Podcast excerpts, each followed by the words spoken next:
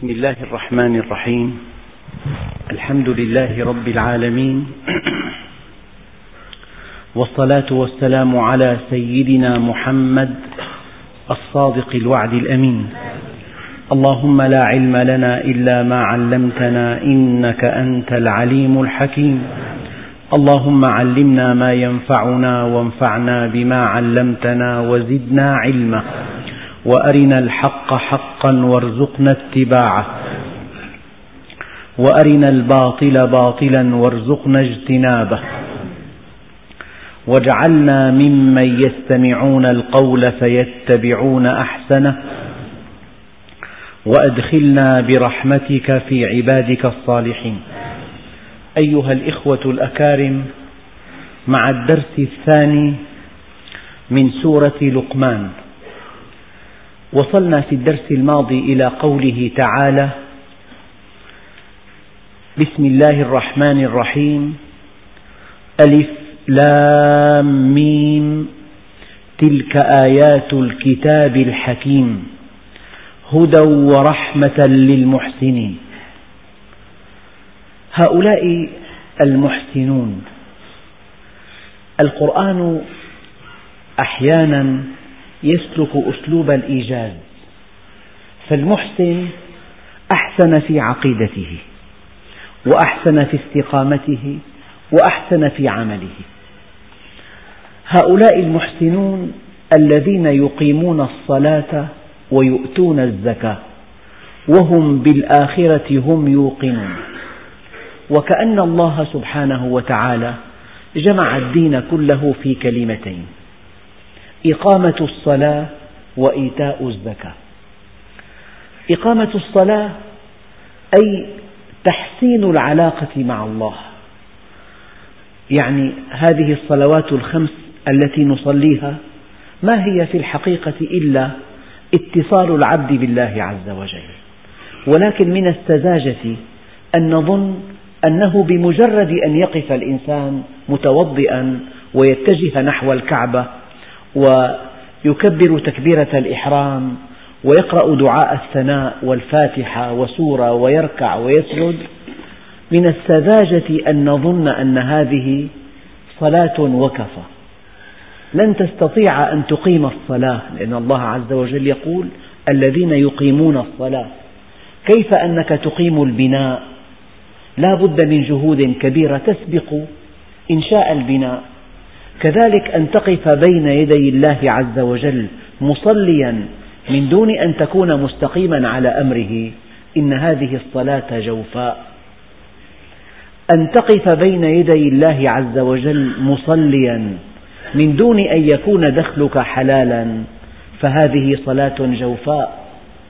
أن تقف بين يدي الله عز وجل مصليا من دون أن تضبط جوارحك فهذه صلاة جوفاء. لذلك ربنا عز وجل وصف الناس مع تقدم الزمان. قال فخلف من بعدهم خلف أضاعوا الصلاة. العلماء قالوا إن إضاعة الصلاة ليس تركها ولكن حينما لا نخشع فيها ومتى لا نخشع فيها؟ إذا تخللتها المعاصي. دخله حرام كلماته ليست منضبطة جوارحه ليست منضبطة لا يسير على منهج الله فإذا قام ليصلي ماذا يفعل؟ لذلك المنافقون وصفهم الله عز وجل فقال وإذا قاموا إلى الصلاة قاموا كسالى. لأن, لأن الصلاة عند المنافق لا معنى لها. يقف ويركع ويسجد. لا يشعر بشيء. أقرب إلى الحركات الإيمائية أقرب إلى الطقوس منها إلى الصلاة ولكن هذا الذي ضبط جوارحه هذا الذي أنفق ماله هذا الذي سار على منهج الله عز وجل هذا الذي تقصى أوامر الله فطبقها هذا الذي تقصى نواهيه فاجتنبها هذا الذي أنفق ماله الحلال على حبه أطعم الناس بماله. أنفق ماله في سبيل الله لا يبتغي رياء ولا سمعة. هذا الذي إذا وقف ليصلي انهمرت دموعه وشعر أنه قريب من الله جدا. لذلك الصلاة قال واسجد واقترب من معانيها الاقتراب وأقم الصلاة لذكري. إن الصلاة تنهى عن الفحشاء والمنكر ولذكر الله أكبر. الصلاة ميزان ميزان لعلاقتك بالله عز وجل. فمن وفى استوفى. من وفى الاستقامة حقها استوفى من الصلاة ثمراتها. الصلاة نور كما قال عليه الصلاة والسلام. الصلاة طهور كما قال عليه الصلاة والسلام. الصلاة معراج المؤمن كما قال عليه الصلاة والسلام. الصلاة آه، لو يعلم المصلي من يناجي منفة الصلاة مناجاة. هذه تعريفات الصلاة في الكتاب والسنة. ربما عرفها الفقهاء تعريفا آخر. قال الفقهاء هي أقوال وأفعال مفتتحة بالتكبير مختتمة بالتسليم. هذا تعريف ظاهر الصلوات. ولكن حقيقة الصلاة واسجد واقترب. حقيقة الصلاة ولا تقربوا الصلاة وأنتم سكارى حتى تعلموا ما تقولون. حقيقة الصلاة أن تفهم ما تقرأ أن تعقل ما تقرأ. ليس للمرء من صلاته إلا ما عقل منها. لذلك أول ما يسأل عنه العبد يوم القيامة صلاته. الصلاة عماد الدين فمن أقامها فقد أقام الدين ومن هدمها فقد هدم الدين. هؤلاء المحسنون هذا الكتاب الحكيم الذي هو هدى أي دلالة. البداية الدلالة. ورحمة النهاية. للمحسنين لماذا أحسنوا؟ لأنهم استناروا بنور الله. ومتى استناروا؟ لأنهم صلوا. الذين يقيمون الصلاة يقيمون الصلاة. له اتصال بالله عز وجل. له اتصال في أثناء الصلاة وله اتصال خارج الصلاة. وأما الاتصال خارج الصلاة فقد أشارت إليه الآية الكريمة الذين هم على صلاتهم دائمون. يعني إذا خرجت من بيتك وقلت يا رب إني أعوذ بك من أن أضل أو أضل أو أذل أو أذل أو أجهل أو يجهل علي فأنت في صلاة. إذا دخلت بيتك ودعوت الدعاء المأثور فأنت في صلاة. إذا أقدمت على عمل وقلت اللهم إني تبرأت من حولي وقوتي والتجأت إلى حولك وقوتك يا ذا القوة المتين فأنت في صلاة. إذا أردت أن تدخل السوق فدعوت الدعاء المأثور فأنت في صلاة. يعني لماذا سن النبي هذه الأدعية؟ في كل حركات الإنسان في عمله في بيته إذا أقدم على عمل معين لأن الدعاء مخ العبادة والدعاء نوع من أنواع الصلاة. فأنت تصلي في أثناء الصلاة وتصلي خارج الصلاة من خلال الدعاء من خلال الذكر من خلال التسبيح من خلال التحميد من خلال التكبير من خلال التهليل من خلال قراءة القرآن. نعم. إذا الذين يقيمون الصلاة يعني الإنسان الآن أقف وقفة قليلة جدا. أوضح هذا بمثل. يعني عندك أجهزة كهربائية كثيرة. عندك المكواة وعندك البراد وعندك المروحة وعندك المسجلة وعندك المكيف مثلا. وعندك هذه الثريات وعندك أجهزة كثيرة جدا. كل هذه الأجهزة عبء عليك. إن لم تسري فيها الكهرباء. عبء وزن حجم. أما إذا سرت الكهرباء فيها قطفت ثمارها جميعا. المروحة, المروحة أدت وظيفتها والبراد أدى وظيفته والمدفأة أدت وظيفتها والمكواة أدت وظيفتها. كل هذه الأجهزة الكهربائية إن لم تسر فيها الكهرباء فهي عبء على صاحبها. أما إذا سرت فيها الكهرباء قطف ثمارها. طيب هذا الشريط الكهربائي إذا كان متقطعا الكهرباء واقفة. الكهرباء لا تسري إلا إذا كانت الدارة مغلقة. ما دام في قطع فالكهرباء واقفة معطلة. وما دامت الكهرباء معطلة فكل هذه الأجهزة معطلة. يعني أردت من هذا المثل أن أوضح أنه إذا أقام الإنسان على معصية وأصر عليها صغيرة أو كبيرة انقطع عن الله عز وجل. إذا تصبح العبادات عبئا عليه. عبء. ثقيل الصلاة. الصيام ثقيل. إن لم تستقم على أمر الله لا تذوق حلاوة الصلاة. إن لم تبذل الغالي والرخيص لا تذوق حلاوة الصلاة. إن لم تضبط جوارحك كلها على منهج الله لا تذوق حلاوة الصلاة.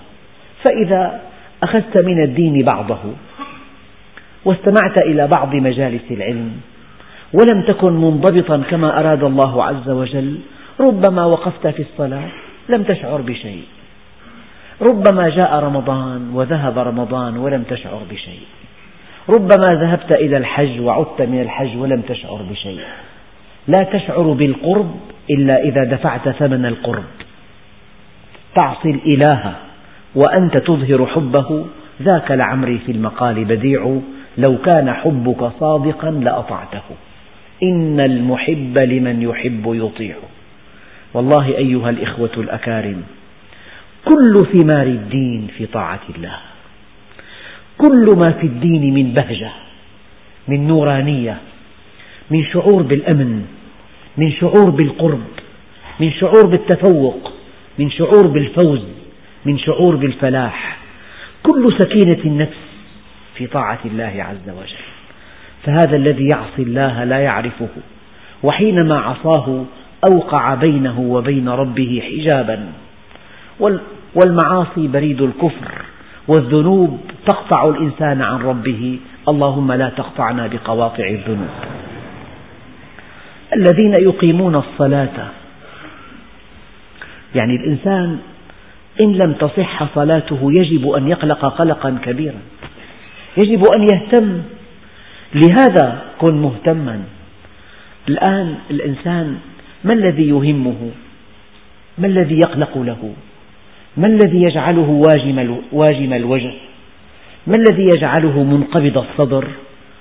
إن لم ييسر إلى عمل جيد إن لم يوفق إلى زواج إن لم يشتري بيتا إن لم ولكن المؤمن الصادق ينقبض ويقلق ويتألم ويحزن إن كانت صلاته جوفاء لا معنى لها. لذلك وأقم الصلاة لذكري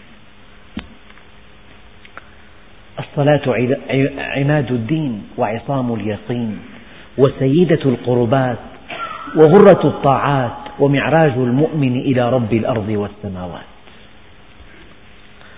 والذي يذوق طعم القرب في الصلاة يعرف معاني هذه الكلمات. الذي يذوق طعم القرب في الصلاة يعرف معاني هذه الكلمات. كانت كان عليه الصلاة والسلام كما تقول السيدة عائشة كان يحدثنا ونحدثه. فإذا حضرت الصلاة فكأننا لا نعرفه ولا يعرفنا. دخل في في الصلاة. فإذا الإنسان أتقن الصلوات الخمس فقط. يعني أتقن قيامها وركوعها وسجودها. إذا صلاها وكان فارغ القلب لو كان منشغل وصلى صلاة جوفاء. طل وصلي نم وصلي أنهي هذا العمل وصلي. يعني من أجل أن تكون الصلاة كما أراد الله عز وجل يجب أن تهيئ لها الظروف المناسبة. يعني من الظروف المناسبة أن تصليها أن تصلي وأنت خالي الذهن. لو جاءتك رسالة وتقول ماذا قال فيها من ماذا هل فيها حوالي أو ما فيها حوالي؟ اقرأها وصلي يا أخي. اقرأها وصلي لئلا تنشغل بها في الصلاة. يعني دائما فرغ قلبك للصلاة. صل في غرفة هادئة. هذا الذي يصلي وقلبه مشغول بزيد أو عبيد ما ذاق طعم الصلاة؟ نعم. الذين يقيمون الصلاة ويؤتون الزكاة. قال هذه الآية نزلت في مكة المكرمة قبل تشريع الزكاة. إذا الزكاة هنا بمعنى الإحسان. يعني الدين اتصال بالخالق وإحسان إلى المخلوق. في حركة نحو السماء وهي الصلاة. في حركة نحو الأرض وهو الإحسان. فإن لم يكن لك بالله صلة وإن لم يكن لك مع الناس إحسان ما عرفت معنى الدين. الدين في جوهره اتصال بالخالق وإحسان إلى المخلوق. وفي بعض الآيات الكريمة أشار الله عز وجل إلى هذا المعنى المكثف. قال وأوصاني بالصلاة والزكاة ما دمت حيا. الذين يقيمون الصلاة ويؤتون الزكاة لكن ما الذي دفعهم إلى ذلك؟ أن الحياة تنتهي بالموت وأن بعد الموت حياة لا تنقضي. الحقيقة لا, لا يمكن أن تستقيم على أمر الله. ولا يمكن أن تندفع إلى باب الله إن لم تؤمن بالآخرة. الدنيا زائلة. عش ما شئت فإنك ميت وأحبب ما شئت فإنك مفارق واعمل ما شئت فإنك مجزي به. الحياة تنتهي بالموت. بعد الموت حياة أبدية. لذلك يقول الله عز وجل في سورة الفجر يقول متحدثا عن, هذا الإنسان الضائع يقول يا ليتني قدمت لحياتي. أية حياة هذه؟ الحياة الأبدية. لأن هذه الحياة التي نعيشها سماها الله الحياة الدنيا. دنيا وليست عليا. حياة إعداد للحياة الأبدية. تهيئة للحياة الأبدية. قال أولئك على هدى من ربهم وأولئك هم المفلحون. وبينت في دروس سابقة كيف أن المهتدي فوق الهدى؟ وأن الهدى في خدمة المهتدي وأن الهدى جاء ليرفع المهتدي وأن الهدى جاء ليكرم المهتدي وأن الهدى جاء ليحفظ المهتدي. فأنت كلما اتبعت الهدى كان هذا لصالحك كان هذا من أجلك كان هذا من أجل أن تكون في أعلى مكان. أولئك على هدى أما الكافر من كفر فعليه كفره. وأما الضلال فاستخدم الله معه كلمة في قل إنا أو إياكم لعلى هدى أو في ضلال. يعني المهتدي على الرغم مما يبدو من أنه مقيد بالشرع لكن هذا القيد هو الذي رفعه إلى أعلى عليين. بينما الضال على الرغم من أنه يبدو للناس حرا في, حرا في تصرفاته إن هذه الحرية المزيفة تقوده إلى الحبس وإلى القيد وإلى الدخول في القهر والذل والهون. أولئك على هدى من ربهم وأولئك هم المفلحون. من منا لا يحب أن يكون فالحا؟ شهد الله أنه ما من إنسان على وجه الأرض إلا ويتمنى أن يكون من الفالحين ومن الفائزين. ومن المتفوقين ومن الناجحين. النجاح هدف كل إنسان ولكن المشكلة أن الإنسان إذا عميت بصيرته ما عرف من أين النجاح. يظنه من هذه الجهة فهو في هذه الجهة. نعم. أولئك على هدى من ربهم وأولئك هم المفلحون. الآن يقول الله عز وجل ومن الناس من يشتري لهو الحديث ليضل عن سبيل الله بغير علم ويتخذها هزوا أولئك لهم عذاب مهين. ومن الناس هذه من للتبعيض يعني بعض الناس ومن الناس من يشتري ما هو الشراء قبل كل شيء؟ أنت حينما تشتري حاجة وتعطي الثمن يجب أن تعلم علم اليقين أنه لو لم تكن هذه الحاجة أغلى عندك من هذا الثمن لما اشتريتها. علم نفس المشتري لا يمكن أن تشتري شيئا إلا إذا رأيته أغلى من ثمنه عندك. وأما البائع لا يبيع شيئا إلا إذا رأى ثمنه أغلى منه. أبدا. إن رأيت أن ثمنه كبير لا تشتري. لا تشتري إلا إذا رأيت أن هذا الشيء أغلى من هذه الأوراق التي تدفعها للبائع. والبائع لا يبيع هذه السلعة إلا إذا رأى هذه الأوراق أغلى من هذه السلعة. فعملية الشراء في أساسها عملية مبادلة. تأخذ السلعة وتدفع النقد أو الثمن. فالإنسان إذا مثلا إذا دفع ثمنا باهظا وأخذ سلعة آه، سيئة يشعر بالخسارة والندم. يشعر بأنه مغبون يشعر بالضيق يتألم جدا. إذا شعر أن هذه السلعة ليست كما يحب ليست كما يريد ليست من من بلد المنشأ. إنها مزورة إنها صنعت في بلد آخر. إنها غير جيدة. إذا يرى أن الثمن الذي قدمه كبير جدا وأنه لا يستحق وأنها لا تستحق هذا الثمن. إذا البيع والشراء عملية مبادلة. تأخذ شيئا وتعطي شيئا.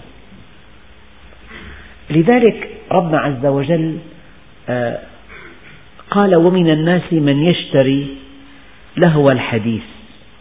يعني هو قدم وقته. وأثمن ما تملكه الوقت. لأنك وقت. إذا قدمت وقتك قدمت نفسك. من أنت؟ أنت بضعة أيام. أبدا. هلأ كل إنسان حينما يموت هذا مات عن عمر عن سبعين عاما. هذا مات عن ستين عاما. هذا مات عن خمسين عاما. هذا مات عن أربعين عاما. إذا الإنسان في حقيقته وقت. وقت. مجموعة سنوات ومجموعة أشهر ومجموعة أسابيع ومجموعة أيام ومجموعة ساعات ومجموعة دقائق ومجموعة ثواني. حتى العظماء أحيانا لك مات في الساعة العاشرة والدقيقة الثلاثين والثانية السابعة والخمسين. وحينما ولد عرف متى ولد. إذا عاش في هذه الدنيا كذا عام. لذلك أثمن شيء تملكه هو الوقت. لأنك وقت. ولأنك في حياة يبنى عليها إما في جنة يدوم نعيمها أو في جنة أو في نار لا ينفد عذابها. يعني مثلا للتوضيح وأنت على طاولة الامتحان ثلاث ساعات أو ساعتين الآن بالجامعة هذه الساعات ربما بني عليها مستقبلك. إذا أنت متمكن من هذه المادة وكتبت كتابة جيدة الأوراق صححت نلت علامة جيدة أصبحت طبيبا فتحت عيادة جاءك الناس جاءك الدخل الوفير آه، تزوجت واشتريت بيتا وعشت حياة كريمة مثلا. إذا هذه الساعات الثلاث أو هاتان الساعتان اللتان كتبت فيهما بني عليهما أنك أصبحت طبيبا. طيب الدنيا كلها امتحان كل الدنيا امتحان لحياة أبدية. فأخطر ما في الامتحان لو فرضنا طالب آه، أمضى هذه الساعات في التفكير فيما سيأكل غدا مثلا. مو معقول؟ استهلك هذا وقت ثمين جدا. لو أنه لو أن قلمه تعطل ومعه قلم آخر أراد أن يصلح أن يصلح هذا القلم. فكه. كله. طلب كاسة ماء بده يغسله. جاب معقول يصلح قلمه أثناء الامتحان واحد يستهلك نص ساعة. مو معقول. معقول يجري حساباته أثناء الامتحان.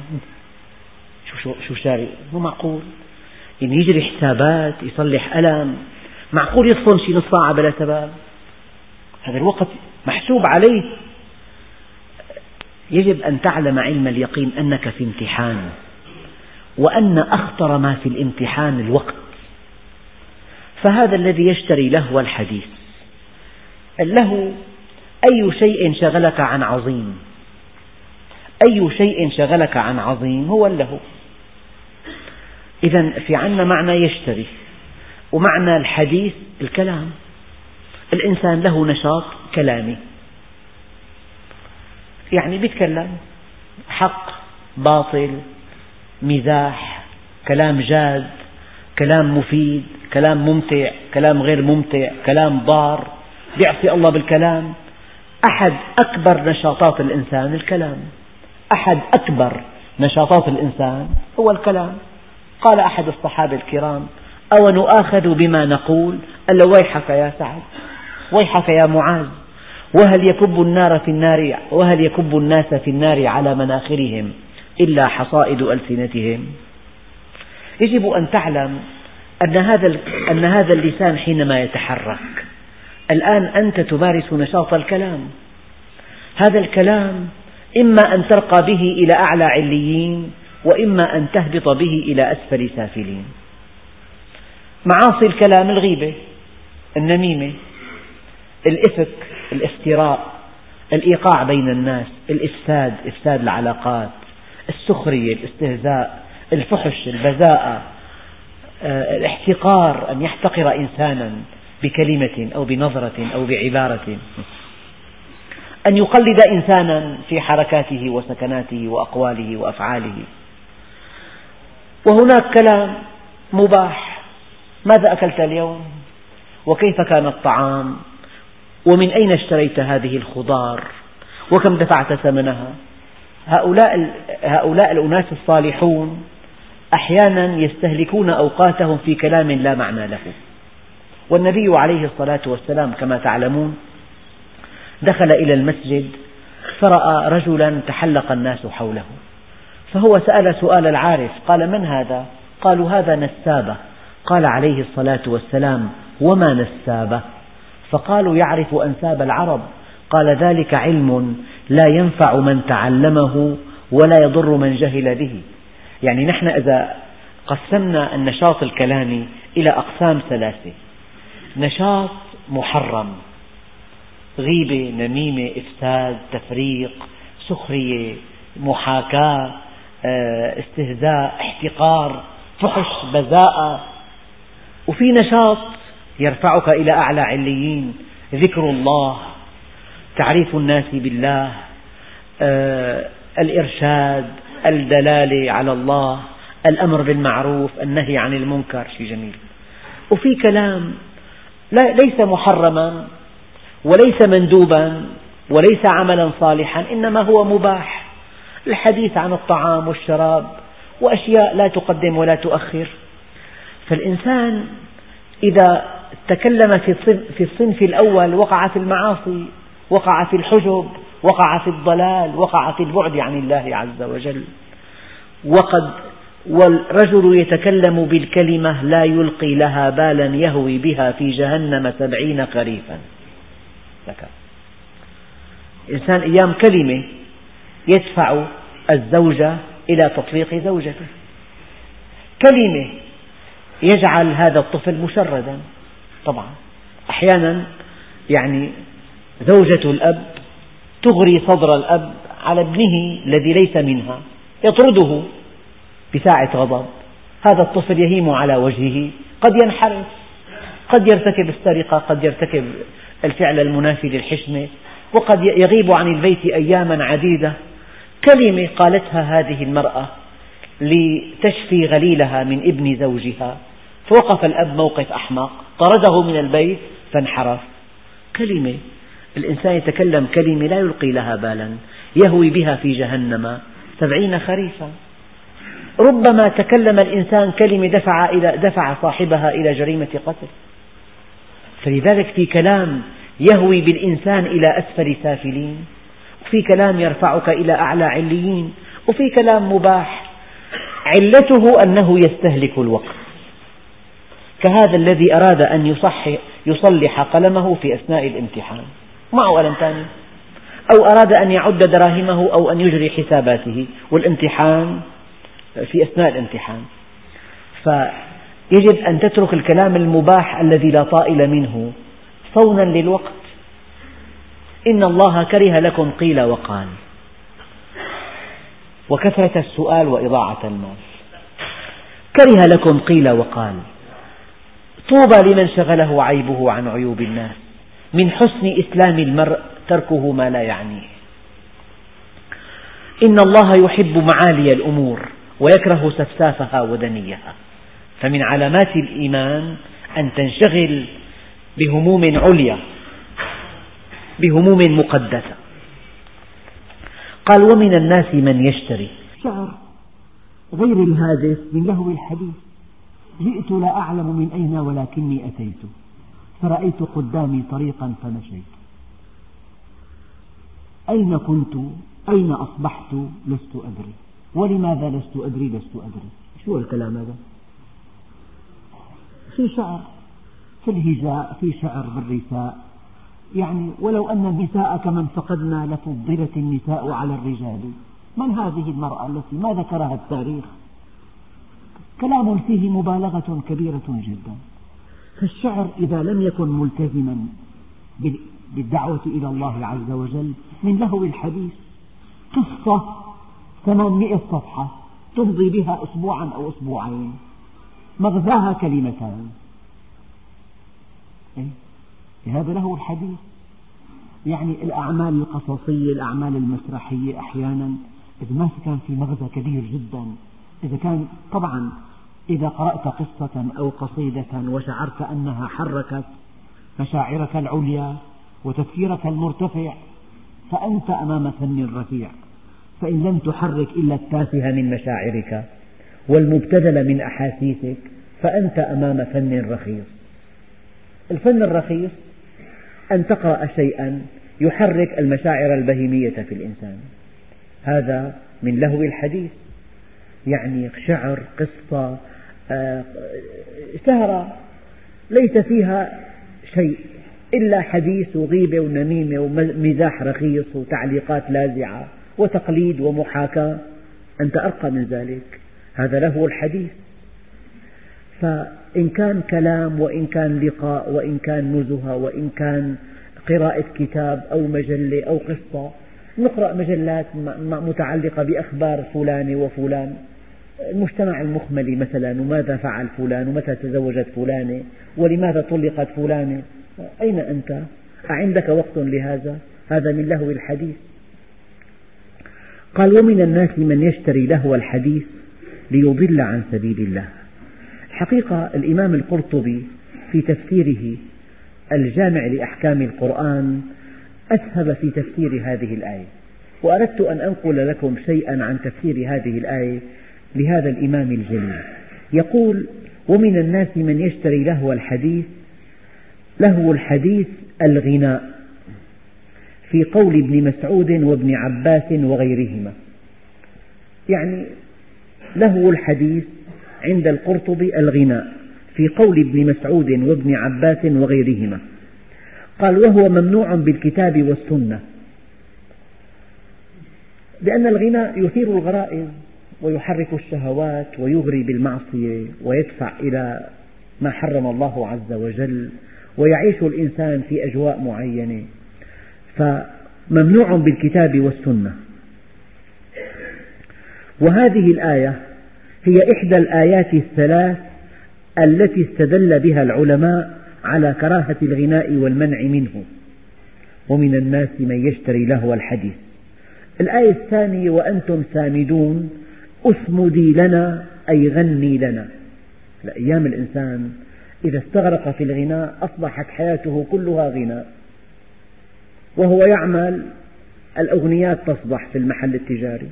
وهو في المعمل الأغنيات تصبح. وهو في مركبته يستحضر على هذه الأشرطة ليسمع الغناء وهو في بيته يعني في كل حركاته وسكناته غارق في الغناء. والغناء والقرآن لا يلتقيان. فإذا كانت حياتك غناء فأنت بعيد عن كتاب الله بعدا شديدا. فلذلك الآية الثانية وأنتم سامدون والآية الثالثة التي استدل بها العلماء على تحريم الغناء واستفزز من استطعت منهم بصوتك. أيام المغني بيموت بيموتوا معه أناس كثيرون هناك من ينتحر لموت بعض المغني هناك من ينتحر. هناك من يزور قبره ومعه المسجلة ليسمع إلى أغنياته التي كان يطرب لها. وقد يأتي علماء كبار ليعزوا بوفاة بعض المغنين كمان. وهي مشكلة كبيرة جدا. على كل هذه الآيات الثلاث آه، استدل بها العلماء على تحريم الغناء. واستفزز من استطعت منهم بصوتك. قال مجاهد الغناء والمزامير. حلف ابن مسعود. بالله الذي لا إله إلا هو ثلاث مرات على أن لهو الحديث هو الغناء سيدنا ابن مسعود. وسئل عبد الله بن مسعود عن قوله تعالى ومن الناس من يشتري لهو الحديث فقال الغناء والذي لا إله إلا هو رددها ثلاث مرات. وعن ابن عمر قال إنه الغناء وقال عكرمة وميمون ابن مهران ومكحول. وعن ابن مسعود أيضا قال الغناء ينبت النفاق في القلب. الغناء ينبت النفاق في القلب. أنا أنقل لكم ما في التفاسير. هذا تفسير القرطبي للإمام القرطبي. عنوان هذا التفسير الجامع لأحكام القرآن. وقال مجاهد وزاد إن لهو الحديث في الآية الاستماع إلى الغناء وإلى مثله من الباطل. يعني جلست إلى كاهن. طبعا من أتى كاهنا فصدقه فقد كفر بما أنزل على محمد. إذا ما صدقه. من أتى ساحرا فلم يصدقه. لم تقبل له صلاة أربعين صباحا. ولا دعاء أربعين ليلة. لأن الإيمان بأن إنسانا يعلم الغيب كفر. لأنه رد لقوله تعالى لا يعلم الغيب إلا الله. عالم الغيب والشهادة فلا يظهر على غيبه أحدا إلا من ارتضى من رسول. حتى لو سألت أخي شوف لي بالفنجان قال لك والله جايتك أبضة إيه؟ قدامك مشكلة. في واحد من بده يتزوج من أقربائك خير إن شاء الله. هذا له الحديث هذا. يعني كلام لا معنى له. دائما كن جادا. لك أن تكون لك أن تلهو لهوا بريئا. الإنسان إذا جلس مع أهله وكان كان إذا دخل بيته كما قال كما كان النبي عليه الصلاة والسلام كان إذا دخل بيته بساما ضحاكا. لك أن تسأل أن تجيب أن تمزح مزاحا بريئا. لك أن يعني تستمتع بما أباح الله لك من دون أن تقع في معصية اللهو. واللهو أن تنشغل بشيء تافه عن شيء ثمين أن تنشغل بالخسيس عن الثمين هلا واحد غاص بالبحر ليأخذ اللؤلؤ فجاء بالأصداف وانشغل بها عن اللؤلؤ هذا له. فأي شيء تفعله يتناقض مع هدفك الكبير هو له. قال إن له الحديث في الآية الاستماع إلى الغناء وإلى مثله من الباطل. يعني قصة باطلة قصيدة باطلة آه، عمل فني باطل. يعني لا يقدم شيئا. يستهلك الوقت من دون أن تستفيد منه. أنت وقت أتستهلك هكذا بلا ثمن؟ وقال ابن القاسم سألت الإمام مالك عن قوله تعالى فماذا بعد الحق إلا الضلال؟ قال له الحديث ماذا بعد الحق إلا الضلال؟ الحق واحد. الحق طريق مستقيم. الحق خط بين, بين نقطتين مستقيم. فأي انحراف عن هذا الخط فهو باطل.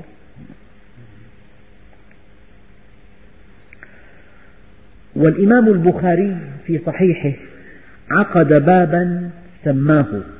باب كل لهو باطل إذا شغل عن طاعة الله ومن قال لصاحبه تعالى أقامرك وقوله تعالى ومن الناس من يشتري لهو الحديث ليضل عن سبيل الله بغير علم ويتخذها هزوا.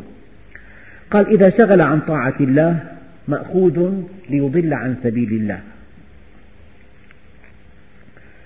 بعض علماء القرآن الكريم ولا سيما من تتبعوا أسباب النزول أورد في سبب نزول هذه الآية القصة التالية. قال النضر بن الحارث اشترى كتب الأعاجم فكان يجلس بمكة فإذا قالت قريش إن محمدا قال كذا ضحك منه وحدثهم بأحاديث ملوك الفرس ويقول حديثي هذا أحسن من حديث محمد. نعم. وقيل كان يشتري المغنيات فلا يظفر بأحد يريد الإسلام إلا انطلق به إلى قينة فيقول لها أطعميه وأسقيه وغني له ويقول هذا خير مما يدعو إليه محمد. من صلاة وصيام وأن تقاتل بين يديه هذه القصة أوردها بعض المفسرين في تفسير قوله تعالى ومن الناس من يشتري لهو الحديث ليضل عن سبيل الله. يدفع له مغنية يقول لها أطعميه واسقيه وغني له. الإنسان إما مع عقله أو مع شهوته إما يسعى لآخرته أو لدنياه. فالسعيد من سعى لآخر لآخرته ومن كان مع ربه.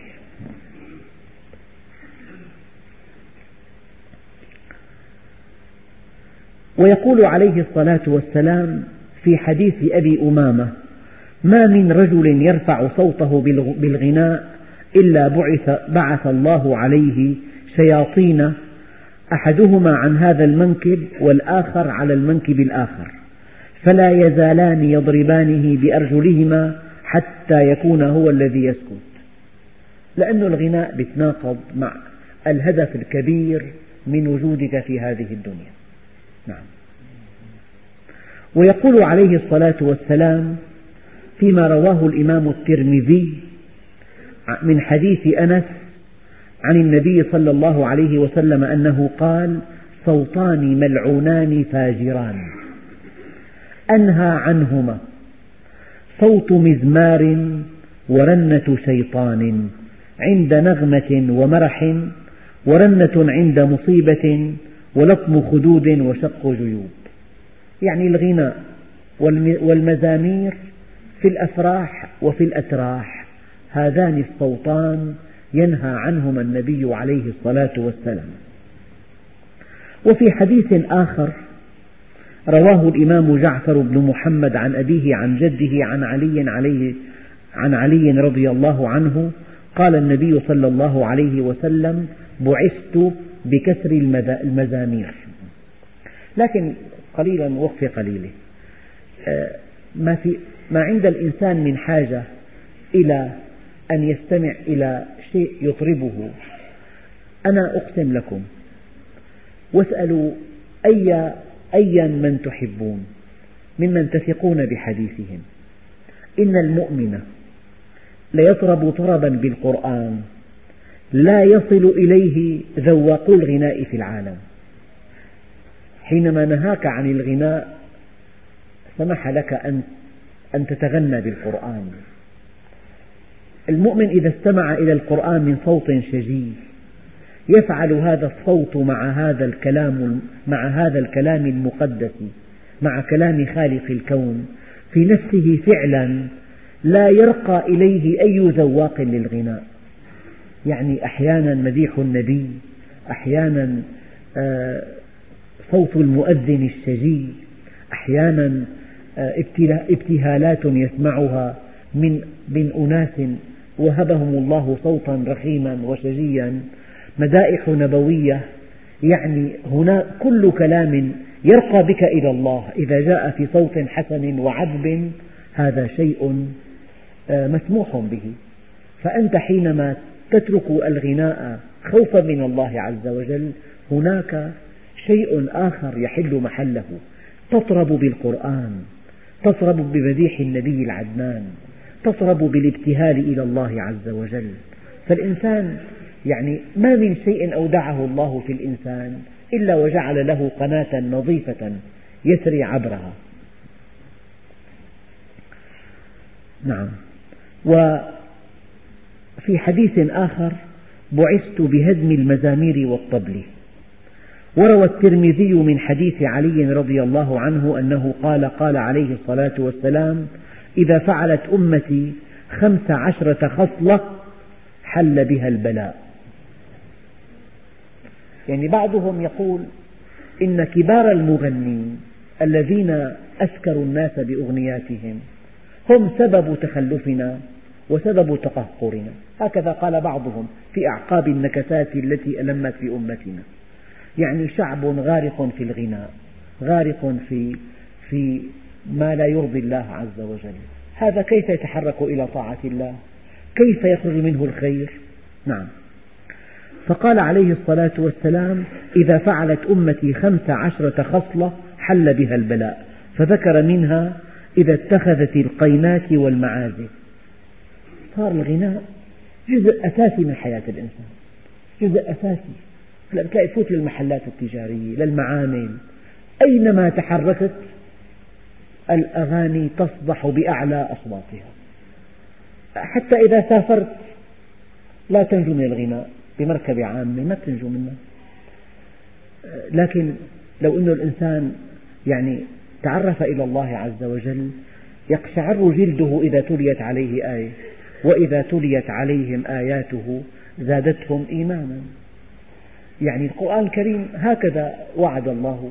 يعني الإنسان المؤمن يطرب يطرب أشد الطرب. يعني يمر بسعادة نفسية لا يرقى إليها كل ذواقي الغناء في العالم. وفي حديث آخر رواه ابن المبارك عن مالك بن أنس عن محمد عن أنس بن مالك قال عليه الصلاة والسلام من جلس إلى قينة يسمع منها صب في أذنه الآنك يوم القيامة. قيل وما الآنك؟ قال الرصاص المذاب. وفي حديث قدسي أن الله تعالى يقول يوم القيامة أين عبادي؟ الذين كانوا ينزهون أنفسهم وأسماعهم عن اللهو ومزامير الشيطان أحلوهم رياض المسك وأخبروهم أني قد أحللت عليهم رضواني. نعم. وفي رواية أخرى يقول للملائكة أسمعوهم حمدي. وشكري وثنائي وأخبروهم ألا خوف عليهم ولا هم يحزنون. نعم. طبعا الحياة ابتلاء. ربما كان الغناء محببا للناس لكن المؤمن حينما يرجو ما عند الله ويترك ما يحب في سبيل الله الله عز وجل يعوضه خيرا منه. لذلك ما ترك عبد شهوة في سبيل الله ما كان الله ليعذب قلبا بشهوة تركها صاحبها في سبيل الله. مهما كنت متعلقا. لذلك بعض كبار المغنين في العالم حينما عرفوا الله عز وجل أنفقوا كل ثرواتهم على شراء أسطواناتهم وإتلافها خوفا من الله عز وجل. في مغنين كبار من إيطاليا لهم قصص شهيرة حينما دخل الإيمان قلوبهم. ندموا على فعلتهم.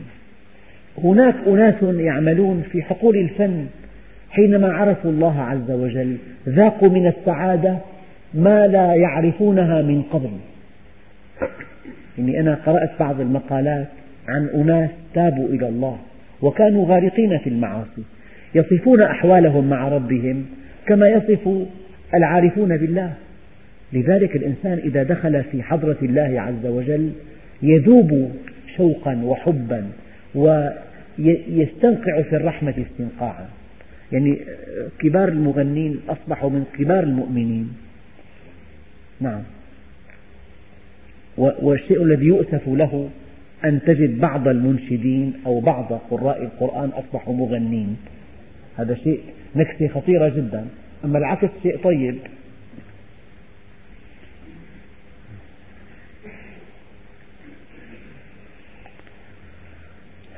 وفي حديث أبي موسى الأشعري أنه قال قال عليه الصلاة والسلام من استمع إلى صوت غناء لم يؤذن له أن يسمع الروحانيين. فقيل ومن الروحانيون يا رسول الله؟ قال قراء أهل الجنة. نعم. أخرجه الترمذي. وهذا الحديث في نوادر الأصول. وفي كتاب التذكرة التذكرة من شرب الخمر في الدنيا لم يشربها في الآخرة. وخمر الآخرة شيء آخر. ومن لبس الحرير في الدنيا لم يلبسه في الآخرة. ومن مات وعنده جارية فلا تصلوا عليه. لك ترك 450 شريط غناء. شو نساوي فيهم سيدي؟ نمحيهم كلهم. من مات وعنده جارية مغنية فلا تصلوا عليه. نعم.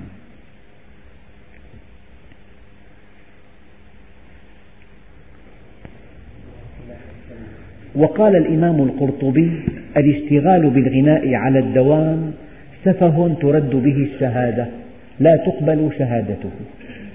نعم.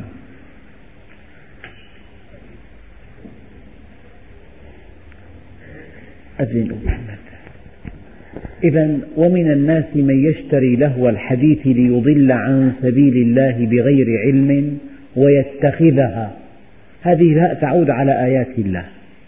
هزوة وأولئك لهم عذاب مهين. في عذاب أليم في عذاب عظيم في عذاب مهين. فالذي يتخذ لهو الحديث ليضل الناس عن سبيل الله. معناها الإنسان مخلوق ليسير في سبيل الله. فأي شيء يعيقه عن سبيل الله؟ أي شيء يصرفه عن سبيل الله؟ هو له. ما هو له؟ أن تشتغل بالخسيس عن النفيس. أن تشتغل بالخسيس عن النفيس. هذا هو له. فالإنسان له هدف كبير نفيس. فإذا اشتغل بالخسيس أمضى وقته في الخسيس. استهلك وقته في الخسيس ضيع رأس ماله الكبير وهو حياته في الخسيس ونسي النفيس فقد وقع فقد انطبقت عليه هذه الآية. ومن الناس من يشتري لهو الحديث ليضل عن سبيل الله. إذا يجب أن تكون في سبيل الله. معنى السبيل الطريق يعني أنت في الطريق الموصل إلى الله. العقبات التي توضع في الطريق. من قبل الناس يجب أن تتجاوزها يجب أن تقفز عليها. لا ينبغي أن تكون هذه العقبة أمامك مانعا. ليضل عن سبيل الله بغير علم لأن الضلال معه جهل دائما. ليس هذا ليست هذه كما قال قيد احترازي هذا قيد وصفي يعني من خصائص الإضلال عن سبيل الله أن الجهل يرافقه دائما. بغير علم ويتخذها هزوا أولئك لهم عذاب مهين. يعني حينما كنا في الجامعة قرأنا عن شاعر أمضى حياته في الغزل وفي ما مات إلا متسولا على أبواب المساجد. وأولئك لهم عذاب مهين. حينما جعل من الشعر هذه الأداة البيانية الرائعة جعل منها أداة للفسق والفجور ولدعوة الناس إلى الانحراف والمعصية فله عذاب مهين. فالإنسان إذا آتاه الله طلاقة لسان قدرة في الشعر يمكن أن تستخدم في الحق. وهؤلاء المغنين الكبار الذين ماتوا قرأت عن حياتهم كانوا في أول حياتهم قراء قرآن وكانوا مؤذنين. يعني هذه الطاقة الفنية التي يملكونها لو أنهم وظفوها في القرآن وفي دعوة الناس إلى الله عز وجل لجمعوا بين الدنيا والآخرة ولكنهم آثروا الشهرة الزائفة على طاعة الله عز وجل. وإذا تتلى عليهم آياتنا وإذا تتلى عليه آياتنا ولى مستكبرا. أبدا كلام واضح كالشمس. لا يجتمع في جوف المؤمن غناء وقرآن. كل منهما يطرد الآخر. فالقرآن يطرد الغناء والغناء يطرد القرآن. فإذا امتلأ جوف الإنسان غناء لم يبقى فيه مكان للقرآن. تلاقي يعني إذا أراد أن يسمع إذا أراد أن يستمع في الإذاعة إلى القرآن لك هات غير محطة ما بيصير. يشعر بانقباض إذا سمع القرآن لأن جوفه ممتلئ غناء. آه، وإذا تتلى عليه آياتنا ولى مستكبرا كأن لم يسمعها كأن في أذنيه وقرا فبشره بعذاب أليم. إن الذين آمنوا وعملوا الصالحات لهم جنات النعيم خالدين فيها وعد الله حقا وهو العزيز الحكيم. يعني من أراد أن يتوسع في موضوع الغناء فليعد لتفسير القرطبي. في تفسير هذه الآية ومن الناس من يشتري لهو الحديث ليضل عن سبيل الله. والحمد لله رب العالمين.